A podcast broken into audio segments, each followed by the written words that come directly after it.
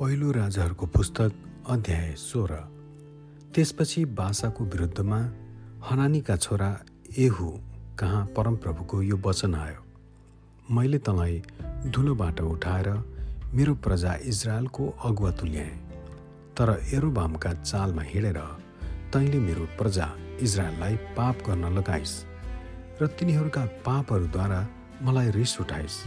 यसैले मैले बासा र त्यसको घरानालाई भस्म पार्न आँटेको छु। र म तेरो घरानालाई नदबादको छोरो एरोबामको घराना जस्तै तुल्याउने छु। बासाको घरानाका सहरमा मर्नेहरू चाहिँ कुकुरले खानेछन् र वनमा मर्नेहरू चाहिँ आकाशका पक्षीहरूले खानेछन्।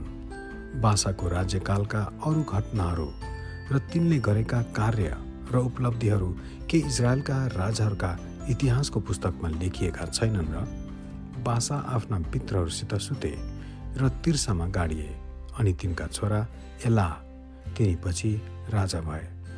त्यसबाहेक परमप्रभुको दृष्टिमा गरेका सबै खराबी र तिनले गरेका कामहरूद्वारा उहाँलाई रिस उठाइएको र यरोबामको घराना जस्तै भएको कारणले अनि तिनले त्यसलाई नाश गरेको कारणले पनि बासा र तिनको घराना कहाँ परमप्रभुको यो वचन हनानीका छोरा एहु अगमभक्तद्वारा आयो। इजरायलका राजा एलाह। यहुदाका राजा आशाको छब्बिसौँ वर्षमा बासाका छोरा एलाह इजरायलका राजा भए र तिनले तिर्सामा दुई वर्ष राज्य गरे। तिनका अधिकारीहरू मध्येका एकजना आधा रथ सेनाका सेनापति जिम्रीले तिनको विरुद्धमा षड्यन्त्र गरे। त्यसबेला एलाहले तिर्सामा आफ्नो राजमहलको जिम्मेवाल अर्साको घरमा मद्यपान गरिरहेका थिए। यहुदाका राजा आशाको सत्ताइसौँ वर्षमा जिम्रीले भित्र पसेर तिनलाई हिर्काएर मारे। तिनै जिम्री तिनीपछि राजा भए। जिम्री राजा भएर राज सुरु गर्ने बित्तिकै तिनले बासाका परिवारका जम्मैलाई मारे। तिनले बासाका कुटुम्ब र मित्र मध्येको एउटै पनि पुरुषलाई जिउँदो छोडेनन्। परमप्रभुले यहु अगमभक्तद्वारा बासाको विरुद्धमा भन्नुभए अनुसार यसरी जिम्रीले बासाका जम्मै परिवारलाई नाश गरे। बासा र तिनका छोरा एलाहले गरेका पाप र इजरायललाई गर्न लागेका सबै पापहरूको कारण र तिनीहरूले आफ्ना बेकामका मूर्तिहरूले गर्दा परमप्रभु इजरायलका परमेश्वरलाई रिस उठाएको कारण यो भएको थियो। एलाहको राज्यकालका अरू घटनाहरू र तिनले गरेका सबै कार्यहरू के ती इजरायलका राजाहरूका इतिहासको पुस्तकमा लेखिएका छैनन् र? इजरायलका राजा जिम्री। यहुदाका राजा आशाको सत्ताइसौँ वर्षमा जिम्रीले सात दिनसम्म तिर्सामा राज्य गरे। त्यसबेला सेना चाहिँ पलिस्तीहरूको सहर गिब्बतोन नजिकको छाउनीमा थिए।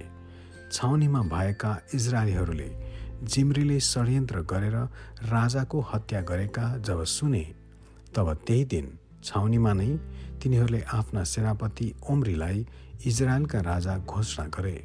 तब ओम्री र तिनीसँग भएका जम्मै इजरायलीहरू गिब्बतोनबाट हटेर तिर्सालाई घेरे। सहर लिएको देख्ने बित्तिकै जिम्री राजमहलको किल्लाभित्र पसे र तिनले राजमहलमा आगो लगाइदिए। यसरी तिनी जलेर मरे। तिनले परमप्रभुको दृष्टिमा जे खराब थियो त्यही गरेर अनि एरोबामका चालमा र उनले गरेका पाप र उनले इजरायललाई गर्न लगाएका पापमा हिँडेर ती पापहरू गरेको कारण यो भएको थियो। जिम्रीको शासनका अरू घटनाहरू र तिनले गरेको विद्रोह के ती इजरायलका राजाहरूका इतिहासको पुस्तकमा लेखिएका छैनन् र? इजरायलका राजा ओम्री। त्यसपछि इजरायलका मानिसहरू दुई दलमा विभक्त भए। मानिसहरूमध्ये आधाले गिनतका छोरा तिब्नीलाई राजा बनाउनलाई सहयोग गरे र आधाले चाहिँ उम्रीलाई सहयोग गरे। तर उम्रीको पछि लाग्नेहरू गिनतका छोरा तिब्नीको पछि लाग्नेहरूभन्दा अझ शक्तिशाली थिए। यसैले तिब्नी मरे र उम्री राजा भए। यहुदाका राजा आशाको एकतिसौँ वर्षमा उम्री इजरायलका राजा भए। र तिनले जम्मा बाह्र वर्ष राज्य गरे। तीमध्ये छ वर्ष चाहिँ तिनले तिर्सामा राज्य गरे। तिनले चाँदीका दुई तोडामा सेमेरको हातबाट सामरियाको डाँडा किनेर डाँडामा एउटा सहर बनाए र त्यस डाँडाको पहिलो मालिक सेमेरको नाउँमा त्यसको नाउँ सामरिया राखे। तर उम्रीले परमप्रभुको दृष्टिमा जे कुरो खराब थियो त्यही गरे। र तिनले आफूभन्दा अघिका सबै राजाहरूभन्दा अझ बढी पाप गरे। तिनी नबादका छोरा एरोबामका सारा चाल र उनको पापमा चले। जुन पाप उनले इजरायललाई गर्न लगाएका थिए र जसले गर्दा तिनीहरूले आफ्ना घिनलाग्दा मूर्तिहरूद्वारा परमप्रभु इजरायलका परमेश्वरलाई रिस उठाएका थिए। उम्रीको राज्यकालका अरू घटनाहरू र तिनले गरेका कार्य र तिनका उपलब्धिहरू के ती इजरायलका राजाहरूका इतिहासको पुस्तकमा लेखिएका छैनन् र उम्री आफ्ना पित्रहरूसित सुते र सामरियामा गाडिए अनि तिनी पछि तिनका छोरा आहाब राजा भए। आहाब इजरायलका राजा भएका। यहुदाका राजा आशाको अडतिसौँ वर्षमा उम्रीका छोरा आहाब इजरायलका राजा भए र तिनले सामरियामा इजरायलमाथि बाइस वर्ष राज्य गरे। उम्रीका छोरा आहाबले आफ्ना अघिका सबै राजाहरूभन्दा परमप्रभुको दृष्टिमा अझ बढी दुष्टाइ गरे। नबादका छोरा एरोबामका पापी चालहरूमा हिँड्न तिनको निम्ति कम भए जस्तो मात्र होइन तर तिनले सिदोनीहरूका राजा यता बालकी छोरी इजेबेललाई पनि विवाह गरे र बाल देवताको सेवा गरेर त्यसलाई पुज्न लागे। सामरियामा तिनले बनाएको बाल मन्दिरको मा बालको निम्ति एउटा वेदी बनाए। आहाबले असेरा देवीको मूर्ति पनि खडा गरे र तिनले आफ्ना अघिका इजरायलका सबै राजाहरूभन्दा बढी परमप्रभु इजरायलका परमेश्वरलाई रिस उठाउने काम गरे। आहाबको समयमा बेथेलका हियलले एरियोलाई पुननिर्माण गरे।